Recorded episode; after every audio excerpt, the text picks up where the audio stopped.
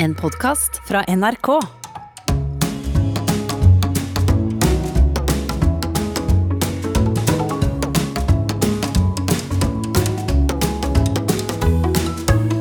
Hjertelig velkommen til Sånn er du her på NRK P2, hvor Nils Brenna Hei. og jeg, Harald Eia, lar profilerte kvinner og menn ta en omfattende personlighetstest, den såkalte Fem store. Og vi så inviterer eh, da dette stakkars mennesket til oss for å gå gjennom resultatet av personlighetstesten. Og i dag skal vi bore oss ned og inn i sjelen til fotballspiller og fotballtrener, rett før jul ansatt som trener for det norske herrelandslaget. Hjertelig velkommen hit, Ståle Solbakken. Takk for det. Ståle, du er jo kanskje den norsk fotball som flest har respekt for. Både faglig, men også som type. Du var jo både en veldig god spiller med over 50 landskamper, og du har også vunnet mye som trener. Men du har stor respekt for den du er på banen. Du er en sjef. Ja, og det jeg lurer på i dag, da, og som jeg håper vi kan finne ut, um, er, om jeg er rett når jeg har måtte fornemt at det finnes en slags spenning i det, en slags motsetning. Fordi du er da, ikke sant, på fotballbanen, øh, besatt av å vinne, målretta, jobber knallhardt, tydelig sjef for banen. Når du blir intervjuet, som er ofte de situasjonene jeg har sett deg i, da, så, så er du iblant litt ubekvem, nesten litt usikker. Eh, Så det er det ene, en slags spenning mellom sånn være helt konge, men også være litt sånn øh, Ja, litt sånn Ubekvem er kanskje bedre enn usikker? ja, kanskje ubekvem er det beste ordet er. Ubekvem, rett og slett. Og det andre jeg lurer på, er dette med temperamentet ditt. Eh, Det har jo blitt snakka om flere ganger. Du kan jo bli eh, ganske irritert. Ikke bare på journalister, men på spillerne dine og andre trenere. Det er masse klipp på YouTube eh, hvor- du slipper løs eh, kjeftinga di. Så da er jo jeg nysgjerrig på dette her, eh, Nils. og Dette skal du bli mer introdusert i senere, Ståle. Eh, Ikke sant? Temperamentet, er det et nevrotisk trekk? Ikke sant? Er det sånn at man har veldig mye uh, fiendtlighet i seg? Eller er det en sterk rettferdighetssans? Det er også en vei inn i å bli temperamentsfull? Eller er det noe annet? Kanskje lav føyelighet? Så det er disse to tingene her. Sjef, ubekvem, eh, motsetningen, og dette med å, å heve stemmen iblant. Vi skal finne ut i dag. Ja, Gleder du deg, Ståle? jeg er klar. Men vi begynner, Ståle, med denne personlighetsdimensjonen av disse fem store som eh, man nå har landet eh, vi kan score høyt og lavt på. Nemlig eh, det som gjør at du har mye eller lite negative følelser. Vi skal se på Ståle Solbakkens score på nevrotisisme. Nevrotisisme det handler om eh, da negative følelser. Angst, sinne, fortvilelse, stress, følsomhet.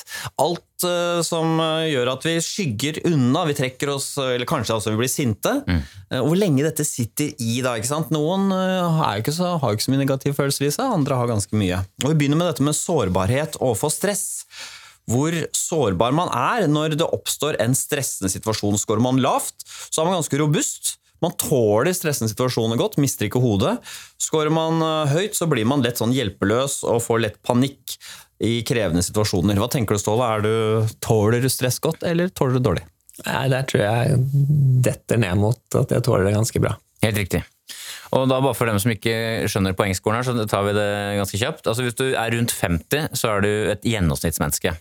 Hvis du går nedover mot 40, så begynner det å bli tydelig lavt. Eh, Og under 40 så er det definitivt lavt, og du er på 38. Det vil si at du er sånn ca. 10% laveste. Har du sett andre rundt deg bli mer stressa enn deg, og, og da observert at du er ikke så preget av den situasjonen som dem? Mm, Ja, jeg tror jeg har observert at jeg, i, eh, at jeg tåler mye. Jeg har jo hatt den der hjerteseansen hvor jeg var død i sju minutter og sånn. Ja, bare la oss fortelle om det. I Og det- og- og- 2001 så var Ja, på og det- trening. Ja, og da, da falt jeg om, og så, og så med hjertestans helt ut, ut av det blå. Eh, og så våkner jeg jo etter 30 timer i koma på sjukehuset. Så lenge. Ja, og, da, og, og, og i og med at det har gått ganske bra etterpå, så har jeg ikke tenkt jeg, kanskje veldig lite på konsekvensene av det. Og, og, og, eh, så det er vel tegn på at, eh, at eh, jeg har i hvert fall en viss robusthet da, på det området. Men så kan jeg jo være veldig bekymret for hvis noen av barna mine får det minste, eller et eller annet sånne ting, eller min kone hadde en, en liten kreftseanse for år, for en del år tilbake.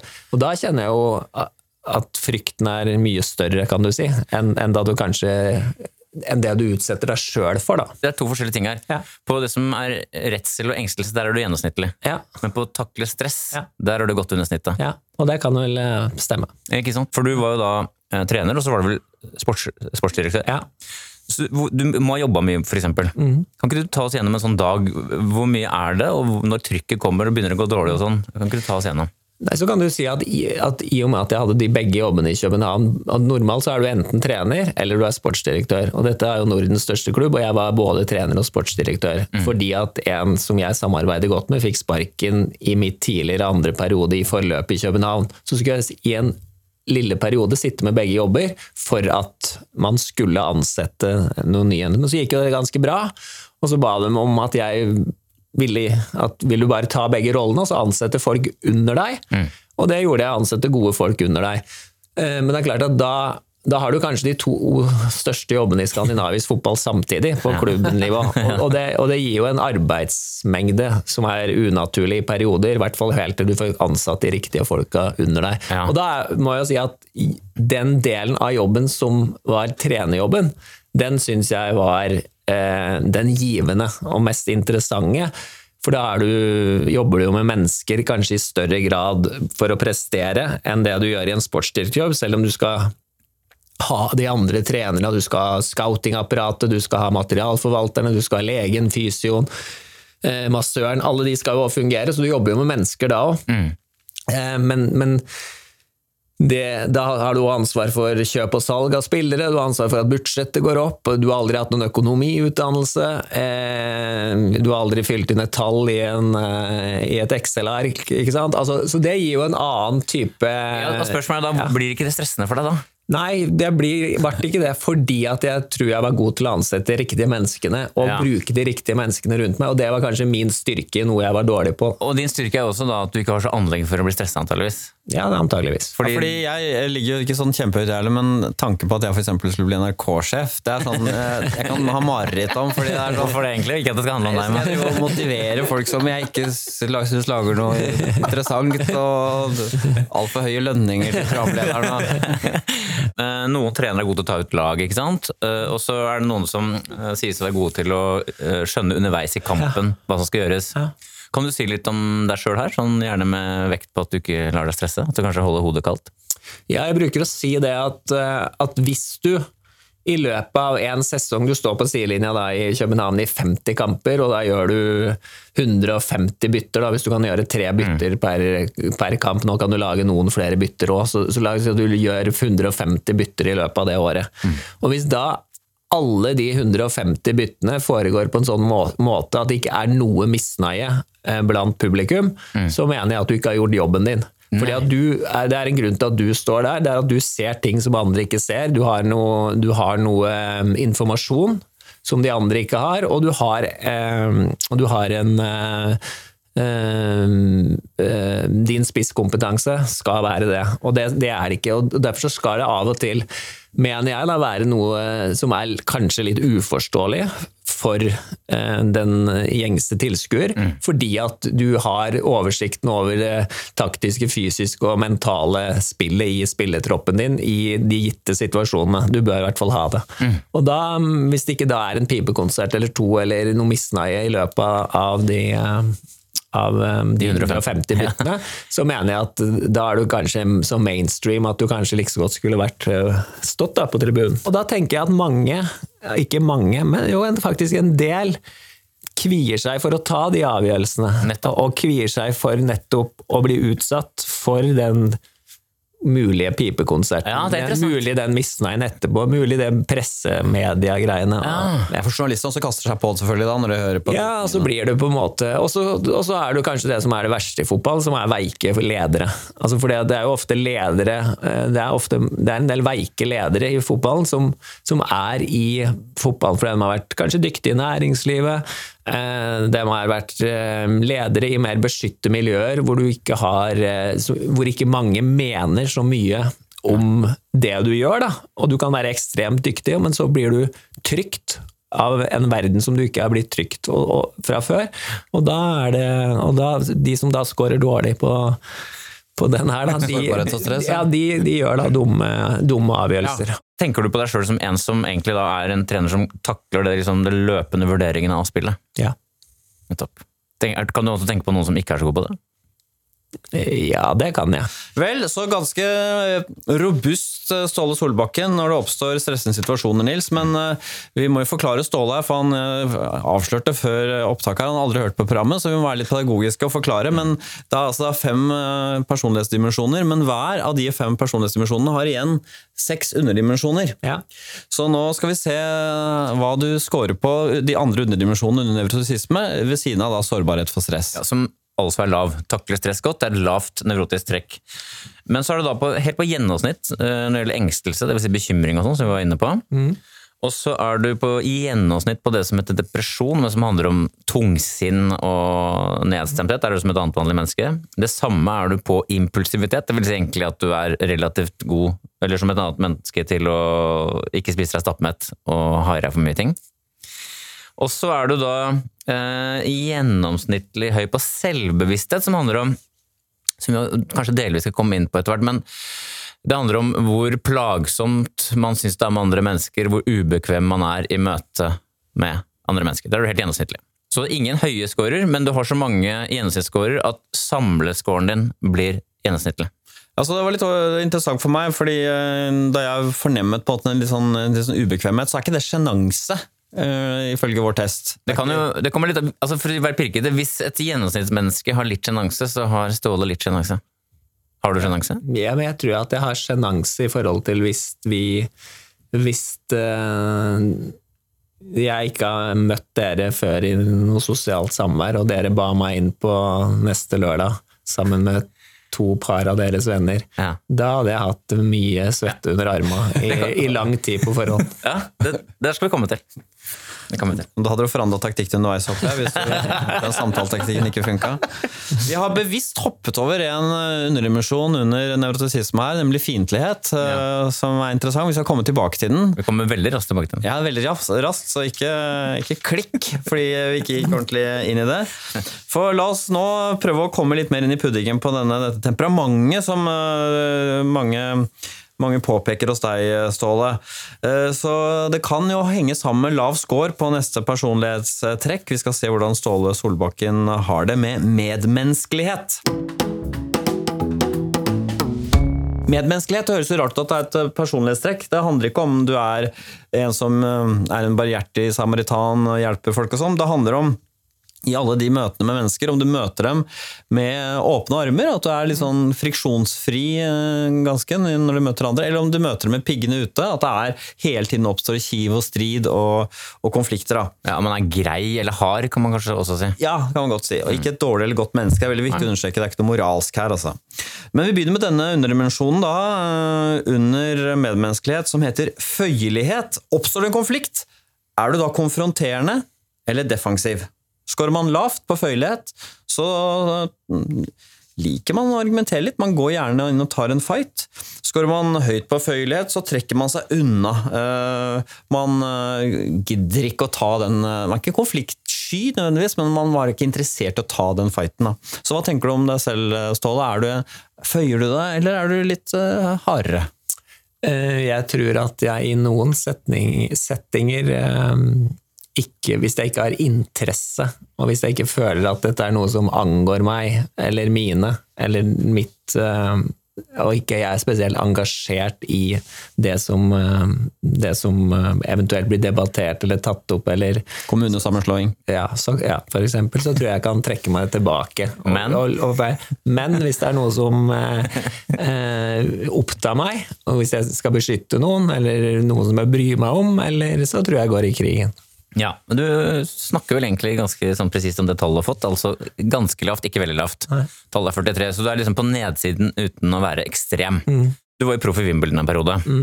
Så vidt jeg husker, har jeg hørt at det var vel en episode der som, kunne, som kan tyde på at du har litt lav føyelighet når det kommer til stykket. Det er et eller annet som kan, Skjønner du hva jeg mener? Hvilket, altså, Ja, ja, det skjønner. Ja, hvis, det kan, hvis det er lav føyelighet. Men ta oss inn i den situasjonen. Hva som skjer der? helt Nei, fordi vi kommer inn i en pause, og jeg har endelig spilt meg inn på laget, og jeg spiller bra. Og så hadde han jo en sånn eh, Han hadde jo en han hadde jo eh, en bane at han tok for seg en eller to spillere i hver pause hvor det gikk dårlig, og da kjørte han over oss veldig kraftig. Ja. Og så var det jo min tur den gangen her, da. Og så kom han med helt feil informasjon, at jeg markerte den og den spilleren, Ja. som jeg overhodet ikke- Jeg markerte han ikke, men overhodet ikke en som var i nærheten av meg på banen, så han kom rett og slett med feilinformasjon. Ja. og, og og så blir han ved å feilinformere i en ganske høyt volum, og da reiser jeg meg opp, og så går jeg mot den taktikktavla. For liksom det står en sånn tavle der hvor jeg skal litt småarrogant og eh, veldig provoserende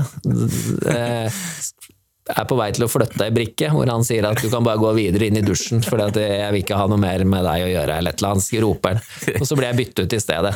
Oi. Og så neste kamp så var det Da var straffen der. Da spilte jeg ikke. Jeg mener at det er et godt eksempel på lavfølgelighet, Harald. Er du ikke enig? At du, du, nei, du kunne bare jatta med, liksom. Ja, det burde du ha gjort. Og fordi det, Nå må vi trekke inn den uh, scoren på dette nevrotiske underdimensjonen uh, fiendtlighet. da, fordi de, hvis man, En ting er å gjerne ta en konflikt, men har man mye kraft og fart, har man agg uh, og fiendtlighet i seg også, så Ståle har vel litt sånn halvhøy score på det òg? Ja, jeg bare får ta Det fordi det, det er en fasett som heter fiendtlighet som ligger under nevrotisisme, som igjen er delt opp i underområder. Du har lite sånn agg eh, i kroppen, men du har et rent temperament. Ikke sant? Så den blandingen er altså som sier at du, er lav du kan ha høyt temperament og allikevel være føyelig, det vil si at du liksom yeah. imploderer. ikke sant? Men i deg så er det kombinasjonen av temperamentet og føyeligheten jobber sammen, og da blir det jo eksplosivt. Så det spørsmålet da i forlengelse etter kunne vært sånn Følte, Rakk du å tenke at du skal holde tilbake i den situasjonen i garderoben, eller bare lar du det skje? Jeg rakk jo å tenke, fordi at det gikk jo en fra altså Han brukte sikkert fem, seks, sju minutter på meg, og, og der, og så, så jeg satt jo og beit meg i leppa ganske lenge og tenkte at det, Og det, var jo, det hadde jo vært det helt riktige å gjøre. Men så kom det over kanskje til en grense hvor, hvor dette her ble, syns jeg, da, veldig personlig, og hvor han gikk eh, liksom inn på noe annet enn akkurat det fotballfaglige, hvor han blander litt inn i min eh, hvordan jeg var og er, liksom. Hva sa han da, for eksempel? Nei, men det var jo liksom eh, litt den derre you think you know everything, bla, bla, bla. Ikke sant? Og, ja, og, da, og da liksom støte med noe. Og da handler det jo litt om stolthet òg, da. For Ja. da, da sitter det jo 15-16 andre og hører på det her, så før eller siden eh, så skal du jo, har du jo en slags selvrespekt. At, at der går grensa. Men Skjønte du hvor det bar hen da du reiste deg opp? Ja, det gjorde jeg vel. Jeg husker at, men det var jo helt idiotisk sett i bakspeilet. Altså, som dansken sier, ser i bakspeilet, det er dansk. Men ja. Men, men hadde du selv, hvordan hadde du selv reagert som trener hvis én spiller gikk opp på den måten? Er sikkert på en eller annen på samme måte som han, men jeg håper jeg hadde greid å stoppe noen minutter før han. Det, er- det er også et annet artig klipp hvor det er han NRK-reporteren, hva heter han, Pål uh, Gordon Nilsen. Gordon Nilsen som uh, er litt sånn, kommer inn i garderoben, og så du er trener, og så Hvorfor kom du ikke på intervjuavtalen vi hadde gjort, og så sier du vi har ikke gjort noen avtale. Eh, jo, men uh, jeg bare sier jeg er veldig skuffet, og så, sier så går du ut og, og gidder ikke mer og sier det er mulig du ble skuffa, men det er for å ta med mor og far din, liksom. Det er jo settingen nå. Altså, vi har akkurat tapt 2-1 på et selvmål i siste sekund av en kamp. Uh, og eh, jeg, som regel så står det alltid en reporter da vinker deg inn, ikke sant? hvis du har gjort en avtale. Det er mulig at vi hadde gjort en avtale, men, men, men det skjer jo alltid mye i en direktsendt fotballkamp, og ingen, jeg hadde ikke fått eh, blitt uh, huket tak i, og det er ikke det jeg tenker på at jeg skal gå til NRK eller TV 2 hvis jeg eh, akkurat har tapt en fotballkamp. Og så, så kommer jo han eh, Paul Gordon inn i garderoben eh, da, eh, og begynner å diskutere eller begynner å legge opp til det og, ja, og det var sikkert feil tidspunkt. Så det, det ser jo heller ikke bra ut. fordi at Poenget var at det hadde jo heller aldri kommet ut. Det hadde ikke vært for at HamKam det året lagde en dokumentar. Oh, ja, det står jo et kamera i hjørnet der som det var 700 timer film på, ikke sant? Og, så, og så, da skal du lage 50 minutter av de 700 timene. Eh, eller 500 timer, eller hvor mye de hadde på teip. Så, så, så det er jo noen andre som filmer det der, ikke sant? Ja. Da, ja, Men sier du egentlig at sånne situasjoner oppstår egentlig ganske ofte? Ikke ofte, men, men det, jeg tror at hvis du filmer dere og i 500 timer konstant altså, Ja, er det- ja, det er litt- i, i, I kritiske, halvkritiske Ja, situasjoner så kan det dukke opp noe, men det er, jo ikke, det er jo ikke noe du er eh, Jo, men apropos det, da. det er Litt på siden her. Men det, tenker du også da at det ble vel mye styr rundt den der eh, Sørloth som gjorde litt sånn eh, sa imot Lagerbäck og sånn? Nettopp fordi at det egentlig jeg skjer ganske ofte, at tenker jeg. Det spørs jo hva så Jeg veit jo ikke hva som akkurat ble sagt og hva som akkurat ble gjort. Men, men det som vel er det som vel er det ergerlige i det, det er vel at, at det ble så offentlig. At, at Ja. det, ja, og Men skjer det oftere enn folk tror? Ja, det skjer oftere enn, du, enn man tror. Altså, en, en, det skjer nok oftere i et sterkt konkurransemiljø Nettopp. hvor noen skal, enn det gjør eh, på, i NRK sine lokaler her. Når det smeller fra deg, da sitter det ikke så lenge i? er det litt sånn? Ja, det er nok riktig. At jeg, jeg kan nok eh, komme relativt fort ned igjen. Det kan jeg nok. Du har ikke som Kristoffer Schou svartebok hvor du skriver opp folk som du hater TV-tid? Eh, nei, det har jeg nok ikke, men det er nok noen som, eh, som, eh, altså, som jeg aldri, eller ikke aldri skal jeg ikke si, men det er noen som det er vanskelig for å Ja, det er det. Ja, sånn er det. Men, men, det lever, men de lever jeg òg veldig godt Vet de om det, eller? ja, uten. Vet de om det? Jeg tror noen vet det. Er det mange? Nei. Psykopater her. Ja, det ja fem. Cirka? Og du ser- Akkurat fem. Nei, nei. Og du ser dem for deg nå, liksom? Du kan ikke nevne han, selvfølgelig? Nei, det kan jeg ikke. Det er menn, stort sett. Bare menn. Ingen sitter, i rullestol. Det er, hvite, det er hvite menn. Ja, det er det òg. Søren, for en gjeng vi er. hvite menn. En annen underdimensjon under medmenneskelighet kalles for beskjedenhet. Og det, og det er en sånn uh, møte folk med åpne armer. For skårer man høyt her, så er man ydmyk. ikke sant? Man skryter sjelden av egne prestasjoner. Men skårer man lavt, så ja, kan man oppfattes som litt sånn selvopptatt og, og arrogant. da. Så hva tenker du? Er du en, er du en litt sånn uh, som gjerne fremhever deg selv og det du gjør, eh, eller får du ofte høre at du er litt sånn ydmyk? Eh, ingen av delene, egentlig, tror jeg. Nei, men det er bra, det, for da kan vi oppklare det nå. Du har fått høy score på beskjedenhet. Ja. Det vil si at du er langt unna å være selvgod, da, for å si det veldig enkelt. Du nevnte jo at noen kunne oppfatte deg som arrogant, men ifølge vår test her, så er er du tvert imot. eh, Lite arrogant på egne vegne. Det er jo sterke krefter i deg som går i retning av å skulle vinne uten at det nødvendigvis handler om at du er selvgod. Ja, det, det tror jeg. Men hva er ditt forhold til selvros, da, sånn generelt? Skryt, og skryt av deg sjøl. Nei, det tror jeg jeg gjør veldig, veldig sjelden. Hvor god var du som spiller, vil du si? Eh, Jeg var jævla god i Skandinavia, Ja. så var jeg helt middels internasjonal. Ja, Og hvor god er du som trener? Eh, Jeg er bedre trener enn jeg var spiller. Ja, du er det. Ja. Hva, er det, hva kommer det av, tror du? Eh, Det kommer nok av at jeg hadde et langt liv i fotballen og er eh, eh, updated på det meste der. Det, det tror jeg. Ja. Men uh, jeg har jo fått sparken uh, Du får jo sparken eller oh, ja. stort sett i hver jobb du er i fotballen, så jeg har ikke gjort alt riktig. Hva, hva er den der sparken-logikken? Det er veldig mye penger i omløp, eh, og det er veldig Det er kombinert med, med kanskje litt ledere ledere, eiere, som ikke har Som sitter med de samme si, forutsetningene for, for å treffe de riktige beslutningene, og som ikke tåler trykket. Det tror jeg er en del av det, men, men underordnet så er det jo at det står om veldig mye penger, det står om veldig mye prestisje, og så handler det jo hele tida om det der skal du sparke 10-15-20 spillere, skal du sparke én mann. Det er i Köln, da. Da jeg fikk sparken der, så, så var jeg den niende eller tiende treneren i Bundesliga som fikk sparken det året. Ja, altså av, eh, av 18 trenere. Jeg, jeg, eh, og da hadde noen klubber kanskje hatt to eller tre, da. Men halvparten av klubba hadde jo sparket sine, og det er jo fordi at alle har jo målsetninger om å enten å vinne, eller komme med i Europa, bli blant de tre-fire beste, eller unngå stykke unna Erik. Eller, altså, så det er veldig få som lykkes med sine målsetninger, egentlig. Da. Er du fortsatt bitter for det som skjedde i København, da du fikk sparken både som trener og sportslig direktør? Nei, jeg tror ikke jeg er bitter lenger nå. Altså, jeg, tror at det som kanskje er lettelsen med det, da, at, de som gjorde det, da eh, Det kan jo være at noen av de er på den lista. Jeg tenkte det og, og, og, og, da er det jo, og da er det jo på en måte lett Hvis det hadde vært mennesker du virkelig hadde eh, tenkt at eh, dette, disse her kunne jeg gått i krigen med, eh, så hadde det jo vært annerledes. Jeg skjønner. Um, den, sånn, den underdimensjonen innenfor denne medmenneskelighet-paraplyen som de fleste forbinder med medmenneskelig trekk, Nils, er jo det vi kaller for empati. Eller følsomhet. Altså hvor mye medfølelse man har for andre mennesker. Skårer man lavt, så uh, man er ikke noe sånn slem, man bare er mer praktisk og realistisk. Selv om noen driver og har det vanskelig, så tenker, ser man det store bildet, på en måte. Men skårer man høyt, så blir man veldig preget av andre menneskers særlig lidelse. da. Og da, man, da, legger man stor vekt på å verne om humanitære verdier også i samfunnspolitikken. Hvordan tenker, tenker du at du er sånn empatisk type? Det tror jeg faktisk. Jeg tror jeg, ganske hard. jeg, tror jeg scorer eh, høyt på empati, Eh, fordi at eh, Det kjenner jeg i magen, holdt jeg på å si. Nettopp, det er akkurat det. Jeg kan bare si at du, og Litt flott at du ikke sa ganske mye, at du bare sa høyt også, for det er ekstremt høyt. Mm. Fordi denne scoren går bare opp til 80.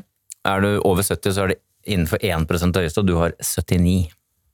Så du, fortell, er du, er du blir nesten invadert av andres lidelse? Uh, ja, så tror jeg Altså, jeg, jeg blir nok det. Altså, jeg, jeg, kan, jeg, får fort dårlig samvittighet hvis jeg ikke føler at jeg klarer å bidra nok i, um, for de som, eh, for de som ikke har det så bra. Hvem kan det være da, for? Ja, det kan være noe som du føler at, eh, at du kan gjøre noen for. Da. Ja. Ja, og, og, så, og, jeg blir prega av, eh, av, folk som ikke har det bra. Hvordan prega da? Nei, altså jeg, jeg tror også i takt med alderen og litt sånne ting òg, at det er kanskje enda mer. Altså jeg kjenner jo liksom Da jeg skal snakke nå, så, så kommer det et eller annet følelsesgreier ja, opp, ja, opp i kroppen. Ja, jeg hører kanskje at stemmen min blir litt ja, grøtete. Ja, Du har vært en av de få uh, toppidrettsutøvere og trenere som har vært veldig tydelige f.eks. i flyktningpolitikken. Mm. Så når du ser uh, klipp fra sånne Ja, det er, det er jo et godt eksempel, men et selvfølgelig eksempel. Jeg har jo veldig tro på det der at, eh, at um, uh, alltid du skal få en second chance, og, altså at, og at det er Altså, det er alltid rom for en slags tilgivelse, liksom. Altså, så det ligger nok dypt i meg eh, i, forhold til, eh, i, forhold til, den scoren der, da. Ja, men la oss si du ser på Dagsrevyen, jeg vet ikke om du gjør det, men ja. eh, Det gjør jeg. Ikke sant? Da, når, det, når det kommer reportasjer om dette, hva, hvordan foregår det hos deg da? Eh, Fra Moria, da, for eksempel. Jeg tror kanskje et godt eksempel er liksom at uh, hvis noen ringer til meg altså, det, altså Jeg støtter de fleste, aller fleste hjelpeorganisasjoner, eller det siste jeg støtter, var eksempel klovner på sjukehus i Danmark som i koronatida ja. hadde mistet ja. sin mulighet på, ja. til å komme Kontakt, nærme barn og sånn. Altså ringer jo noen, da. Og da, da, er jeg, da er jeg raus. de som ringer, sitter ofte i sånt ja, altså. fellesområde. Vet du, de ringer opp på vegne av flere ja, ja, organisasjoner. Så Ståle Solbakken ja, har de merka ut som han er god. Ja, det kan det være. men, hva, altså, men hva er det du føler på? Det, men samtidig så får du ikke gjort nok. Altså, det er jo det som er. Du, du, altså, jeg kan jo sitte her og, og si at, det, at og, og vet, Det er jo fint at du scorer relativt høyt på det der, syns jeg, mm. men samtidig så, så gjør du jo altfor lite. Altså, du gjør jo altfor lite. Det er du gjør altfor lite konkret. Altså, du, du, støtter og støtter kanskje penger økonomisk. Jeg, jeg, jeg jeg var jo med og skrev en bok som jeg ikke hadde lyst til å skrive i Danmark.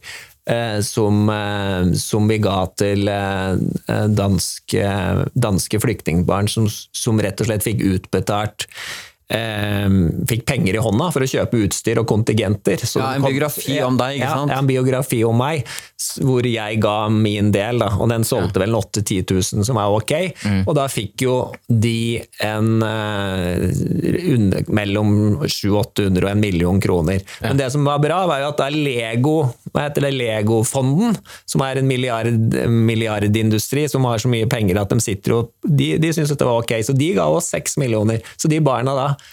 fikk jo da ut fra det Da har du jo gjort noe, og det er du jo glad for.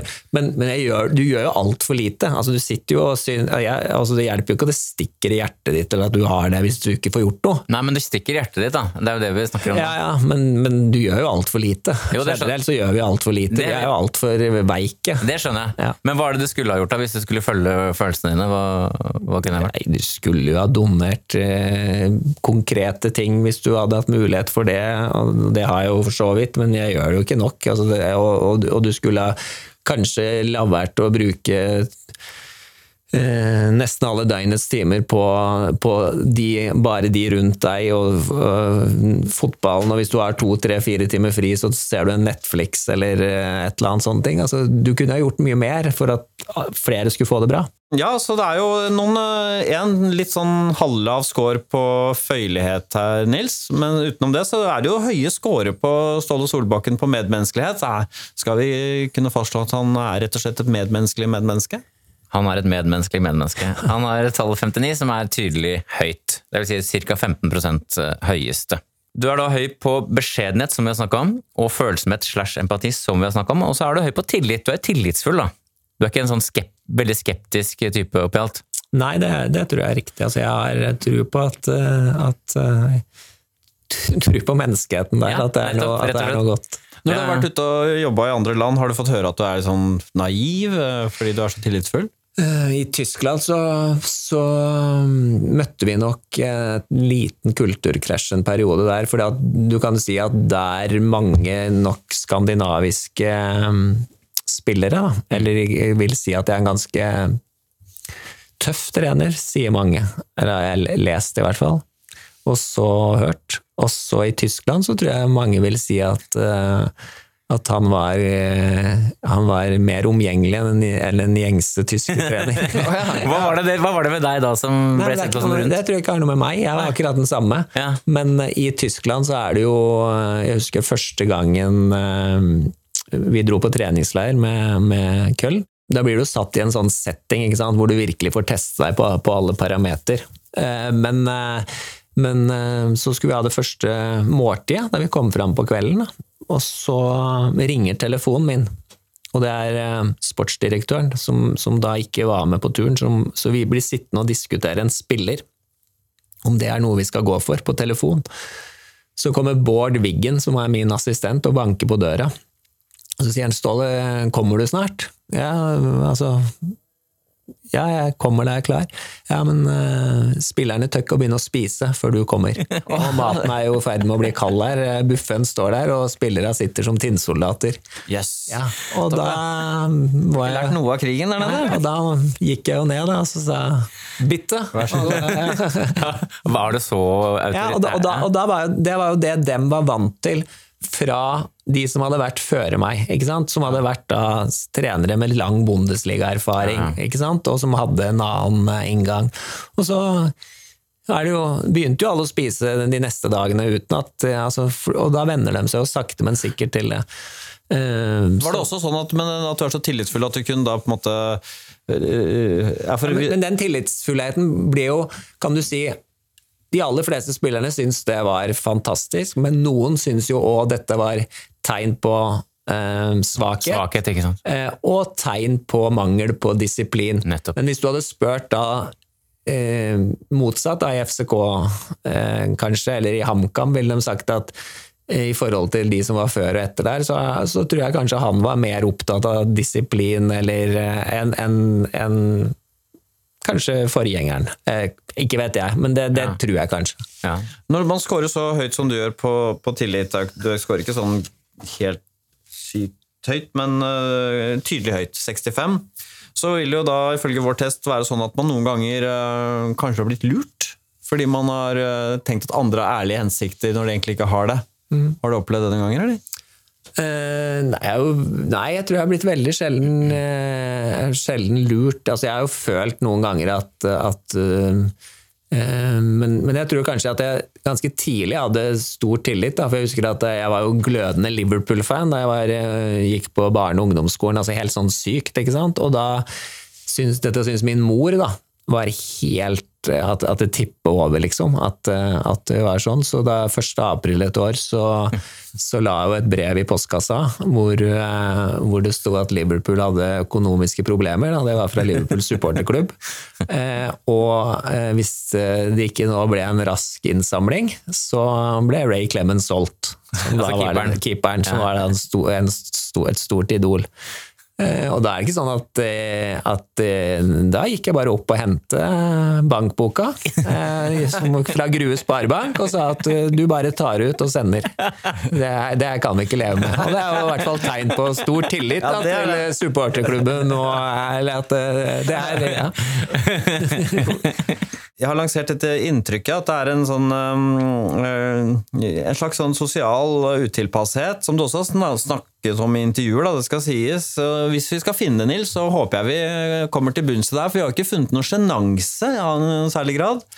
Og er jo et ganske medmenneskelig type, så han er jo en som møter andre med åpne armer, er empatisk og alt mulig. Så la oss se om vi klarer å få napp når vi ser på Ståle Solbakkens score på ekstra ovasjon. Ekstraversjon det handler om eh, hvor utadvendt man er. Altså hvor mye, på en måte, hvor tydelig man er til stede i verden, hvor eh, høyt man snakker og hvor sosial man er, men også hvor mye kick man får, hvor mye begeistring man kjenner på. Vi begynner, på en, eh, vi begynner med en sånn interessant underdimensjon som heter ekstrovert varme, som handler om eh, i hvilken grad man går inn og pleier nære relasjoner gjennom vennlighet og hensyn. De som uh, scorer lavt, kan oppfattes som litt reserverte, uh, mens de som scorer høyt, de går fort inn. Eh, De, eh, 'Hvordan går det med deg? Har du det bra?' Ja vel. ikke sant? Er raskt til stede. Og får derfor også veldig mange venner veldig fort i alle sammenhenger de er, med, er i. Så hva tenker du på deg selv, Skåla? Er du en sånn, er du en sånn ekstrovert varm fyr som går fort og nært inn?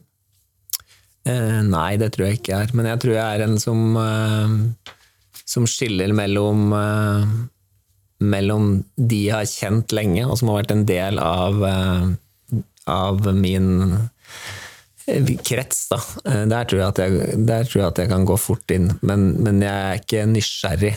eh, Og, og gir lite av meg sjøl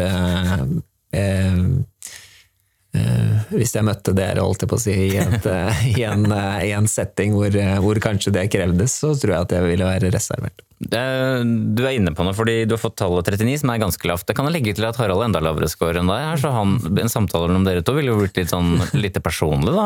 Eller Harald, hva ser du for deg? Jeg kan bruke, jeg har den som metode, da. Ja, det er sant. Men at personlighetstrekk kan jo overstyres litt. Det er sant. Så, men det er nok riktig. Det, jeg gir heller ikke så mye ved dørene, egentlig. Ta et konkret eksempel da, som har vært diskutert i familien vår. da 'Mesternes mester' har jo begynt igjen nå. Ja. ikke sant? Og. Der har jeg fått tilbud om å være med et par ganger. Ja. Og det kunne jeg godt veldig tenkt meg, Ja. på et vis, liksom de konkurransene og det å bli kjent med det. Men allikevel, de der eh, middagene, eh, frokostene eh, altså Der hadde jeg vært en tilbakeholdende bidragsyter. Altså det, det- altså det, hadde ikke, det hadde ikke vært jeg som hadde lagd det gode TV der, med mindre jeg ikke hadde skjært meg eller, eh, eller, eller vært eh, klønete. Nei, så da ville Altså, du vært, så, så liksom, ja, så det der liksom, at da, da sitter du i en setting med, med 10-12 som du har selvfølgelig mange felles interesser og konkurranse og idrett, og jeg er generelt idrettsinteressert, så der kunne jeg jo gi Men, men samtidig så så ville det koste meg enormt, da, og bydd på meg sjøl i en sånn setting. Den praten som foregår rundt det bordet på Mesternes mester, er den litt uinteressant? Eh, noen ganger, men noen ganger så, så suger jeg å til meg, for det sitter jo ressurspersoner der som du kan lære veldig mye av. Jo, det skjønner jeg, men det er mye av praten som er litt uinteressant. Men det er jo ikke sånn Ja, det kan være det. Eh, Jeg syns jo mer den der frokosten er fæl. Hvordan da? Eh, Nei, men eh, klem. Ja, klem og De er vel litt anspente sjøl, ja, er de ikke det? ja, men liksom, hva skal vi eh, Hva blir det i dag? Blir det eh, Altså, altså den, den Pusle sammen det ordet som ja, blir der hadde jeg vært. Der, der, det, der, den er vanskelig. Hvorfor, hvorfor det? Eller på hvilken måte? Ja, men det, det Altså Der mangler jeg vel noe, da. Jeg mangler vel en eh, Er det interesse, eller? Nei, jeg vet ikke om jeg mangler interesse, men for meg så så ville jeg liksom tenkt å gå ned der Nå går vi og så gjør vi den konkurransen, liksom. Altså, jeg har ikke noe behov for Altså, jeg er en elendig på smalltalk, da. Er du uinteressert, eller er du ukomfortabel? Mm, Ukomfortabel mer enn uinteressert. Ja, ok. Nettopp for det er forskjellen på dere to, for du er ikke ukomfortabel, Harald. Du er jo skamløs. Men du er bare uinteressert. Litt. Ja, men, men det kan jo være at det er en snev av det, og selvfølgelig Ja, er det ja. Så er vi på Sardinia på ferie, på en pizzarestaurant langt inne i skogen. Så er det et stort bord i midten som er eh, reservert. Så, så alle sitter på en måte rundt, og ingen sitter der. Og så, så sier min kone at eh, her må det komme noen eh, virkelig eh, store personligheter, i og med at du har reservert et sånt bord midt inni, og vi andre sitter rundt. Og, og jeg, vi er på ferie med familien Bjarmann, som er eh, Lillestrøm Bjarmann, eh, for de som er interessert i fotball. Stabæk nå. Ja. Vi er da fem hver, og så vi sitter der. Og så kommer eh, Manchester Citys manager og den italienske fotballengen Roberto Mancini inn Ja. med hele sin flotte familie. Eh, og min eldste sønn er jo ekstrem Manchester City-fan, og han klarer jo ikke å spise en pizzabit etter han kommer, for han tror ikke det er sant. Ja. Og da sier min kone til meg for, for da sier min kone til Sondre, som helsegutten heter, at du, du får lov å gå bort og spørre auto, autograf, men han er litt det samme som meg, da. Jeg er Samme type på det her, så han sier nei, det tør jeg ikke.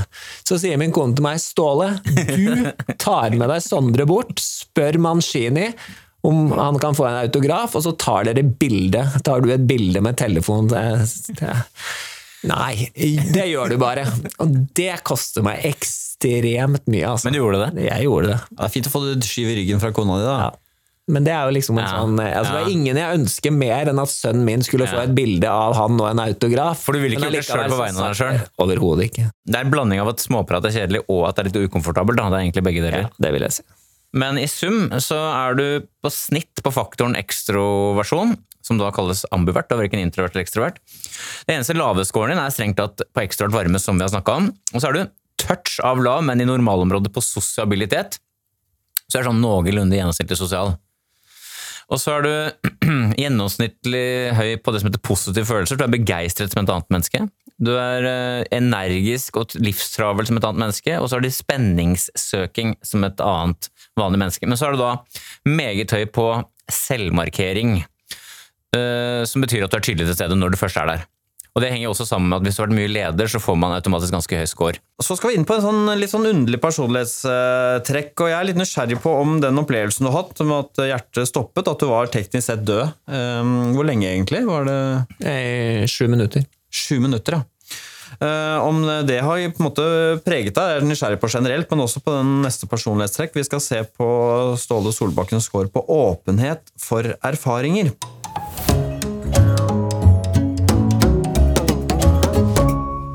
Åpenhet det er på en måte nysgjerrighet. Det er hvor åpen man er overfor inntrykk, ideer, øh, åpen for nye opplevelser. Og jeg kobla det opp til øh, den øh, hjertestansen din, fordi jeg har lest og sett andre steder at etter en sånn stor eksistensiell krise, så er det en del mennesker som nettopp forandrer litt sånn livsholdning. At de blir eh, kanskje mer litt sånn åndelig, eller eh, at de eh, blir mer sånn undrende og, og åpner seg mer opp, for høyere score på dette her. Og vi begynner med den øh, underdimensjonen under åpenhet for erfaringer som heter åpenhet for følelser, hvor, hvor mottagelig man er for egne og andres følelser. Tenker du på deg selv som et følelsesmenneske? Eh, Ja, det tror jeg faktisk eh, til en, eh, til en viss grad. Ja, Ifølge testen så er det ikke bare til en viss grad. Det er, eh, tallet er 67, det vil si at det er sånn 2-3 mm. høyeste, faktisk. Ja, jeg får fort følelse for ting eh, og mennesker som interesserer meg, og, og, og som og, temaer, og mm, enten da det er jobb eller familie eller hva det er som er i ja. Det som er interessant her, synes jeg, er at du scorer ganske lavt på ekstraart varme, som betyr at du ikke er sånn interessert i småprat, eller eh, du knytter deg ikke så lett til folk, men samtidig så fanger du opp stemninger hos andre folk. Så man, er du på en måte litt sånn reservert, men samtidig litt var? Ja, det, kan, det, tror jeg, det tror jeg ikke er noen dårlig oppsummering. Men har du da en evne, det betyr jo at du har en evne til å fange opp stemning Du kan på en måte se på folk hva slags stemning de er i, f.eks. Ja, det tror jeg. Jeg tror at jeg er ok på å lese sinnstilstand for både, både eh, venner og familie og, og, og spillere og ledere. Har, er det, når du snakker til en forsamling, så ser du du får kjapt med deg at noen veksler et blikk, f.eks. Eller at hvis en tredjeperson snakker, så ser ja. du at noen andre ser på hverandre, så vet du ok, her er det et eller annet. Ja. Men har du også, har du også i forlengelsen dette klart å hva skal jeg si, plukke opp at spillere har problemer? Ja, altså du, kan jo i hvert fall kanskje få en følelse, eller en danske sier fornemmelse. Mm. Altså at, at, eh, at noe ikke er eh, som det skal. Ganske høy score på åpenhet for følelser her, og vi vet jo aldri, Nils, om sånne opplevelser som Ståle har vært med på har forandret scoren hans. Vi har jo ikke før-scoren her, men uh, hvordan er den generelle åpenheten til Ståle Solbakken? Eh, I sum så er det sånn nedre del av normalområdet, eventuelt ganske lav. Det får bli opp til deg å vurdere. Tallet er 44. Du har relativt lav score på fantasi. Du er ikke en sånn dagdrømmer og sånn? Eh, nei, ikke egentlig. Nei. Og så er du relativt lav på estetikk, som handler om kunst i alle varianter. Så er du relativt lav på ideer, det vil si at du er, i den grad du er nerd, så er du veldig konsentrert om det feltet ditt. Du er ikke opptatt av alle mulige abstrakte temaer. Nei, og det er jo fordi at jeg ikke er veldig god på veldig mye. Altså, jeg er veldig dårlig på veldig mye, og da blir det jo mer snever der òg, sannsynligvis. Ja, og så er du høy på følelser, som vi har snakket om. Så din åpne score er jo da på følelser. Emosjonalitet. Som kunne kanskje sagt sånn eh, at du Det at du er litt sånn litt reservert, som jeg snakka om, at du ikke er så opptatt av å gå i teater og kunst og sånn, eh, det er litt sånn gubbete på en måte. Men så har du da denne nysgjerrigheten på følelser. Som da kanskje gjør deg til en, en samtalepartner for kvinner eller en, en kone eller noe sånt, i større grad enn en klassisk gubbe da, som ikke vil være glad på følelser i tillegg. Ja, for da har du liksom ingenting. Vi har lett litt etter den sosiale usikkerheten, kilden til den, Nils, men grunnen til at vi er interessert i, var at det utgjorde en kontrast til eh, denne retningen og selvsikkerheten på banen da, innenfor det faget eh, ditt, eh, Ståle, som er fotball. Og den, denne tydelige selvsikkerheten, alt det du har fått til, det mye som da tyder på at du også scorer høyt på neste personlighetstrekk, men vi, det gjenstår å se. Hva er Ståle Solbakkens score på planmessighet?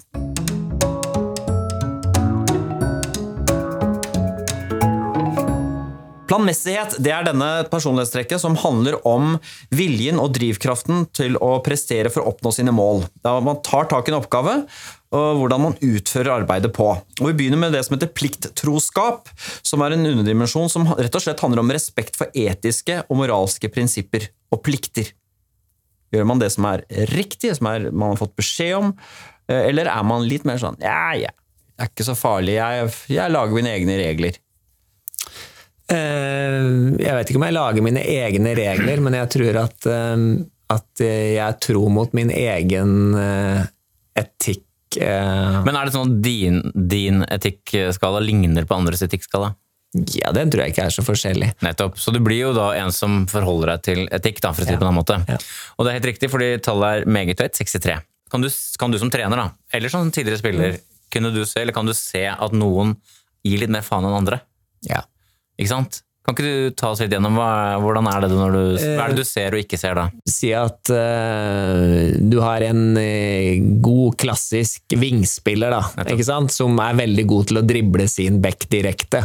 Men det er det eneste han er opptatt av. Men så kan det jo være at motstander har en veldig god eh, motstander på den posisjonen som gjør at han, han klarer ikke det så ofte, men han vil det.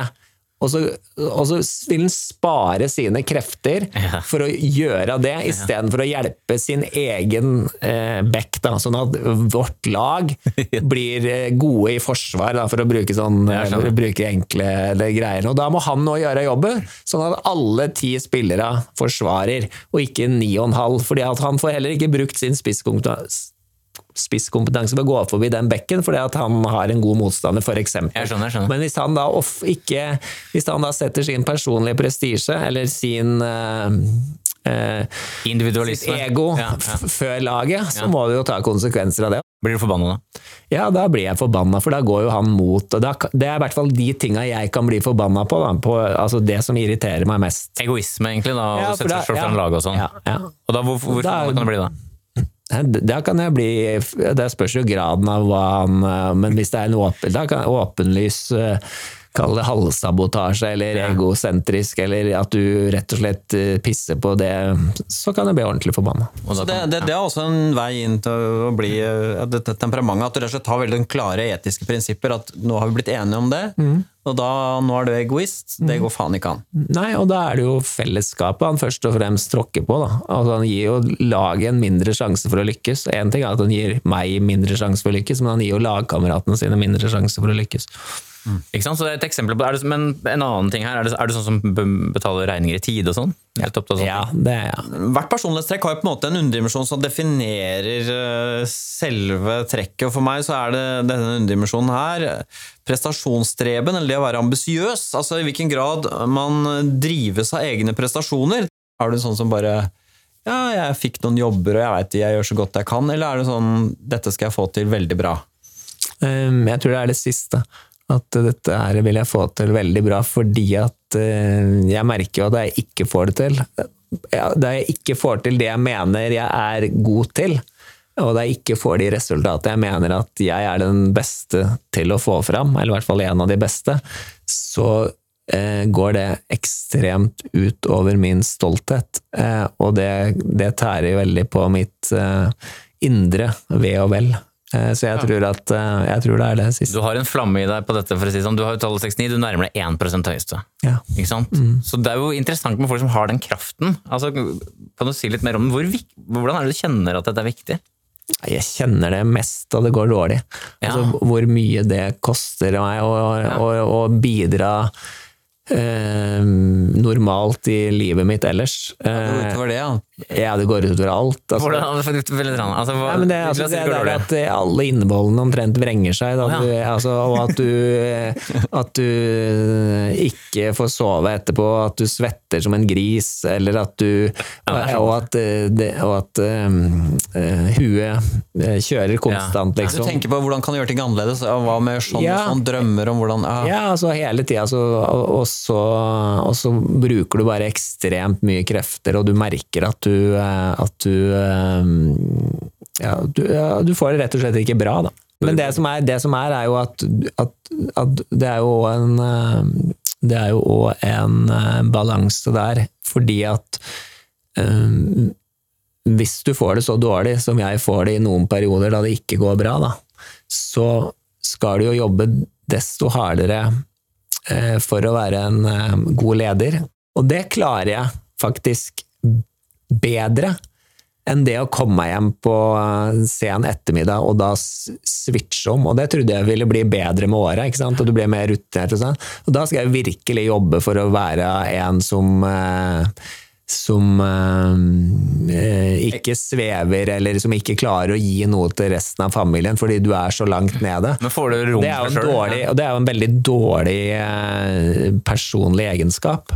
Og det som er, er jo at, liksom at da jeg først er inne i, i hetlufta igjen, så har jeg ikke noe problem med det. Så, så det er jo liksom de, de hjemme som må på en måte eh, Jeg skal si at de skal ta støyten, men, men det er jo der jeg må kjempe for å være noenlunde normal. Ja. Hva er det du tenker at du er best i da, når du er såpass ambisiøs og setter deg så høye mål? Jeg tror at jeg eh, er en ok leder, og en ok altså at jeg er ganske sterk fotballfaglig.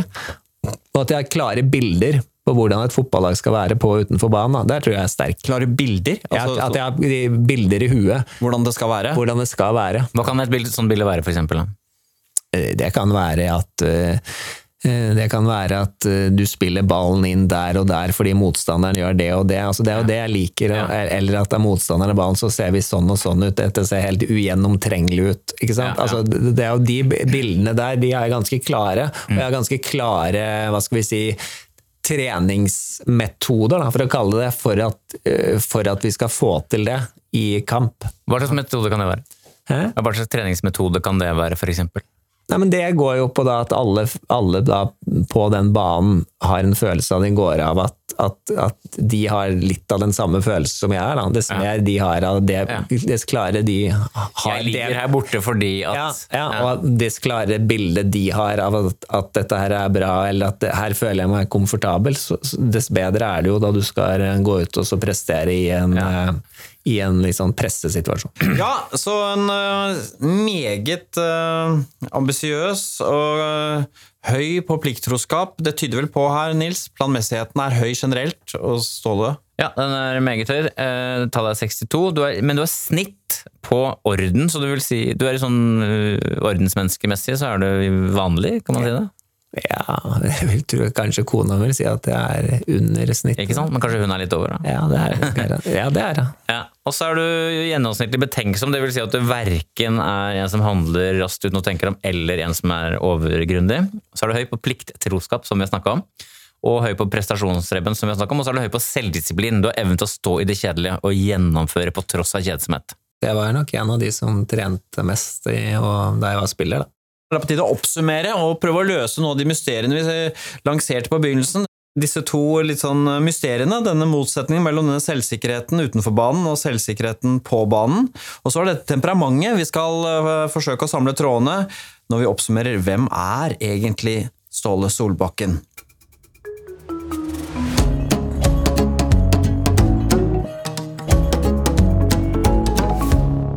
Ståle, de hadde jo dette med at du var så dominerende på banen og mer litt sånn keitete utenfor. Og vi har fått noe svar på det, Nils. Ja.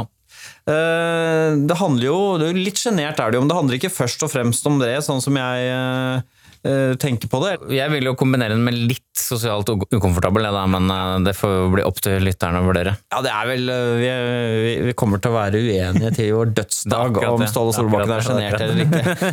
er han sjenert eller, eller er han ukomfortabel eller uinteressert? ja, du har kanskje rett i det. Kanskje jeg leser meg selv inn i Ståle her. ja, det kan hende. Jeg vil jo si spesielt drevet, det ligger under det ambisiøse. Kampklar, som ligger på den lave følgeligheten når det skulle dra seg til. Og så er det samtidig det store hjertet, eh, og litt blandingen av at man er var, men også litt reservert.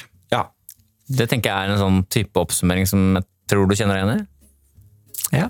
Gjør det? Ja, ja, faktisk. Jeg gjør det. Vi har vel fått løst noen av disse mysteriene, Nils. Har du lært noe i dag, Ståle? Alt dette her?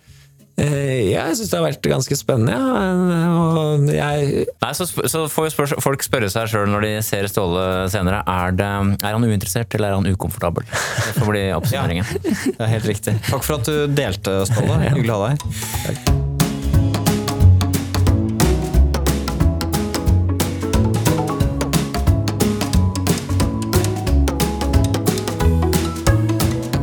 Du har hørt en podkast fra NRK. Hør flere podkaster og din NRK-kanal i appen NRK Radio.